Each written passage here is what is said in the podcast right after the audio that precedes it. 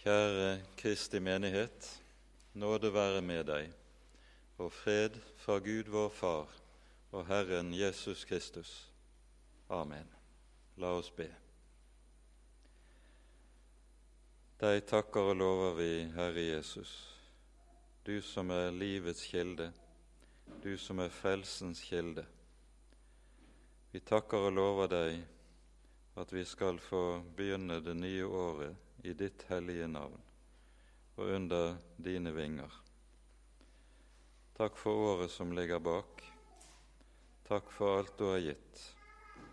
Takk at du har våre liv i din hånd, både i gode dager og i onde dager. Lær oss, Herre, å sette våre veier i din hånd også i det nye året, at vi kan leve under ditt navn i alle ting. Amen. Det hellige evangeliet for uh, nyttårsdagen står skrevet hos evangelisten Lukas i det annet kapittel.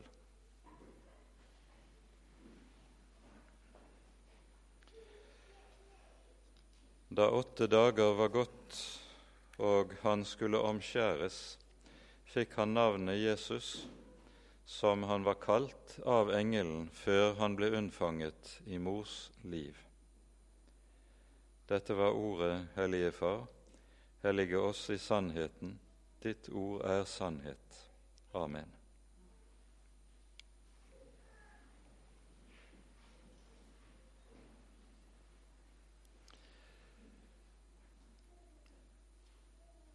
Dagens evangelietekst består altså av ett enkelt bibelvers. Og Det følger umiddelbart på juleevangeliet i Lukasevangeliets annet kapittel, der vi hører om Jesu fødsel og budskapet til hyrdene på marken. Og så sies det altså åtte dager deretter ble han omskåret. Og dette er etter befalingen som Gud gir Abraham allerede i Første Mosebok 17. kapittel, slik vi hører det, det er paktstegnet, som betegner at en hører til Guds folk og står i den pakt Herren har inngått med sitt folk, slik vi leser om det i Mosebøkene. Samtidig er paktstegnet også noe som har en dyp betydning i det det med dette sies at Jesus underlegges loven. Når han omskjæres, så betyr det at han legges under loven med den fulle forpliktelsen å oppfylle lovens bud slik de er gitt gjennom Mosebøkene. Derfor hører vi at det sies om ham i Galaterbrevets fjerde kapittel i tidens fylde sendte Gud sin sønn, født av en kvinne, født under loven. Og i dette ligger noe helt avgjørende i det som er Jesu kall og oppgave når han føres inn i verden.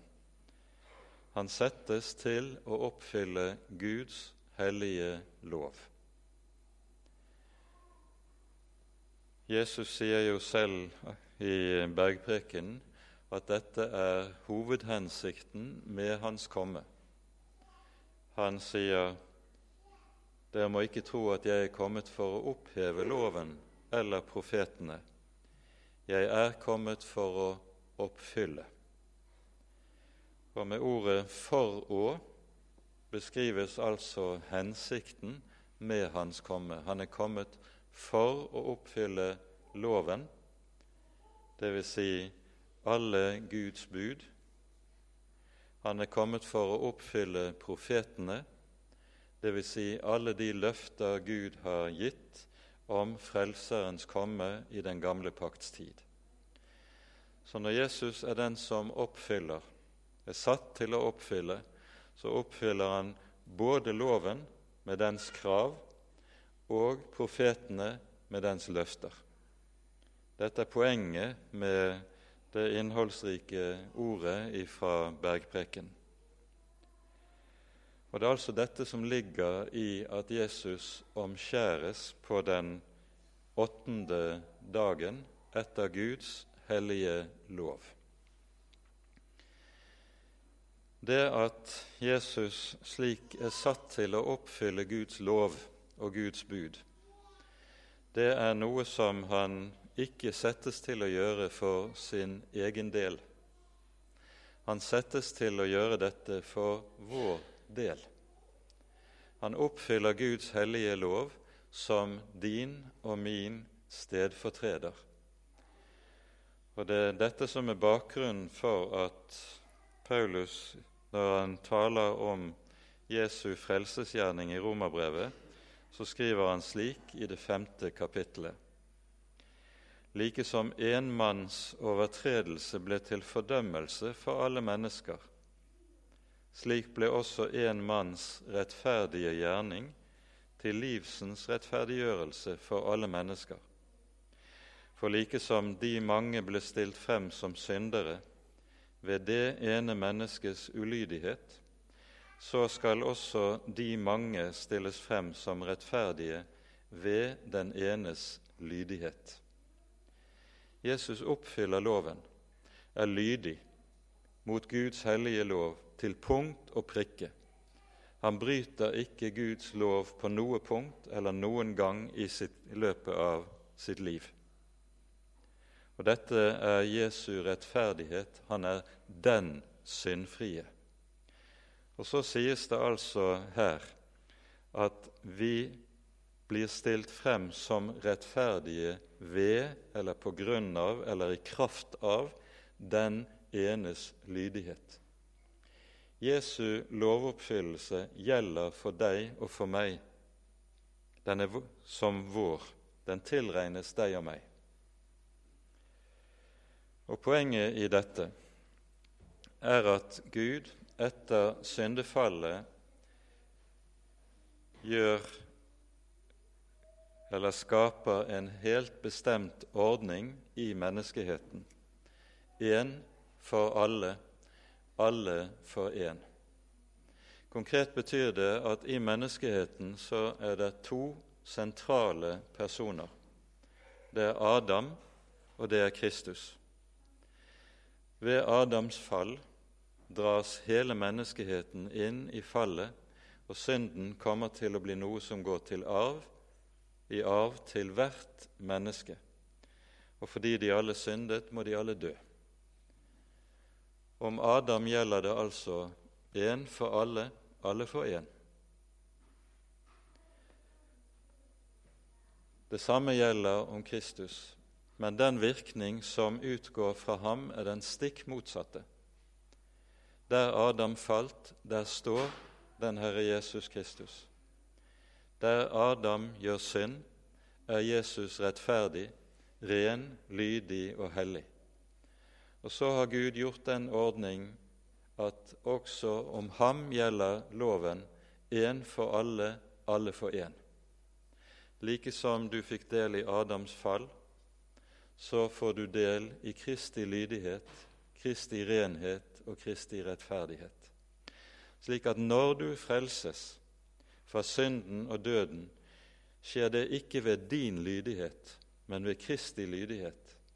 Det skjer ikke på grunn av din gjerning, men på grunn av Kristi gjerning. Dette er poenget i det Paulus sier i Romerbrevet. Én for alle, alle for én. Når Jesus derfor legges under loven, så er det for din og min skyld, for å oppfylle Guds bud i fullkommen lydighet gjennom alt sitt liv, og denne Jesu fullkomne lydighet blir din når Jesus får lov til å være din Jesus, din frelser og ditt liv. Derfor er det også slik at det står fast fra Guds side at loven og Moselov kan ikke føre noe menneske til frelse. Moses krever lydighet. Moses krever rettferdighet. Moses krever hellighet og syndfrihet, men han kan ikke gi det. Men det Moses ikke kan gi, det gir Gud i sin sønn når han sender Jesus til verden. Dette er oppfylt for oss i det forbildet vi har i Det gamle testamentet, med forholdet mellom Moses og Josva. Josva sitt navn er i den hebraiske teksten det samme navn som Jesu navn. Jeshua eller Jehoshua. Og Derfor er det slik at Moses nok kunne føre folket gjennom ørkenen, men han kunne ikke føre dem inn i det lovede land. Han kunne føre dem til grensen, men ikke inn i landet. For at folket skulle komme inn i landet, satte Gud en Josva, en Jesus, til å være folkets fører og leder. Og slik kan Moses føre oss til grensen i Guds rike, men han kan ikke føre noe menneske inn i Guds rike. Det kan alene Jesus, ved sin lydighet, ved sin oppfyllelse av loven, ved sitt skyldfrie liv. Ved ett menneskes rettferdighet blir de alle rettferdige, sier Paulus, og det er gaven. Når Jesus føres inn i verden, så føres han slik inn i verden for å være den gave som reiser opp et menneske som har falt, som gjør godt det Adam ødela. Frukten av Adams gjerning var torn og tistel, ørkenens vekster. Frukten av Kristi gjerning er paradisets frukt og paradisets vekster så han blir vårt livets tre. I teksten så hører vi at det understrekes at navnet Jesus får, det ble angitt til Maria allerede i forbindelse med bebudelsen. Det er også slik som vi leser i Matteusevangeliets første kapittel at Josef på samme måte fikk bud fra engelen Gabriel om hva navnet skulle være til Marias barn. Og Dette er i seg selv en oppfyllelse av det løftet som er gitt hos profeten Jesaja i det 49. kapittel, et av de kapitlene som taler om den kommende frelser. Her sies det slik:" Hør på meg, fjerne kyster. Gi akt, dere folk i det fjerne. Herren har kalt meg fra mors liv av. Han har nevnt mitt navn fra min mors skjød. Dette navn er altså Jesu navn. Og navnet betyr Herren frelser. Det er en kort setning på hebraisk som altså betyr 'Herren frelser'. Jesus skal hete det som han er. For nettopp dette er noe av poenget med så meget av navngivningen i Bibelen. Når Herren sørger for at en person gis et navn, så er det fordi denne personen er og virkeliggjør det navnet sier. Og Når Jesus altså skal hete Herren frelser, så er det nettopp fordi han er Herren som kommer for å frelse. Frelse en menneskehet som er falt, for å frelse syndere. Og så er det at Jesus kan komme med noen av sine programord slik vi hører det i evangeliene. Det er ikke de friske som trenger lege, men de som har vondt. Jeg er ikke kommet for å kalle rettferdige, men syndere, at de skal bli frelst. Det var for synderes skyld Jesus kom. Og så, Slik ser vi også i, både i evangeliene og i vår egen erfaring at de som er rettferdige, de som har sitt på det tørre, de som mener at de i grunnen er gode nok, de har ikke bruk for noen frelser. De har ikke bruk for noen Jesus. Men de som ser på sitt eget hjerte og sitt eget liv, og ser hvor meget det er i livet som bryter med Guds vilje, de har bruk for en frelser. De som har begynt å kjenne seg selv i Guds lys, de har bruk for en frelser. Mens de som er friske, de har ikke bruk for en frelser. Derfor er det vi også kan synge om Jesu navn, like som David gjør det i Salme 54. Herre, Frels meg ved ditt navn, ber David. For Herrens navn er nettopp frelsens navn. Og i Ordspråksboken er det vi kan lese i det 18. kapittel Herrens navn er et sterkt vern for alle dem som tar sin tilflukt til ham. Og så skal du vite at Jesu navn er nettopp gitt til deg gitt til deg som det sted der du kan ta din tilflukt. Ta din tilflukt i nød. Ta din tilflukt i sorg. Ta din tilflukt med din slette samvittighet. Ta din tilflukt med din fortid. Ta din tilflukt med alt det i livet som brast og ikke var som det skulle. Du skal få komme til ham med det alt sammen og han har gitt et stort og usigelig løfte. Vær den som kommer til meg, vil jeg ikke støte bort. Og I det verset brukes den sterkeste formen for nektelse som du kan finne i gresk språk. Den som kommer til meg, vil jeg ikke, ikke på noen måte, ikke på noe vis støte ut. Det er hans løfte. Så skal du vite at når du kommer til Jesus med det som er brutt, det som er ødelagt, med din synd, med dine fall, med din svikt Han støter deg ikke bort, men sier tvert om når du kommer til meg med alt dette, kommer du til den rette mann. For jeg er nettopp kommet for å hjelpe og ta meg av slike som deg.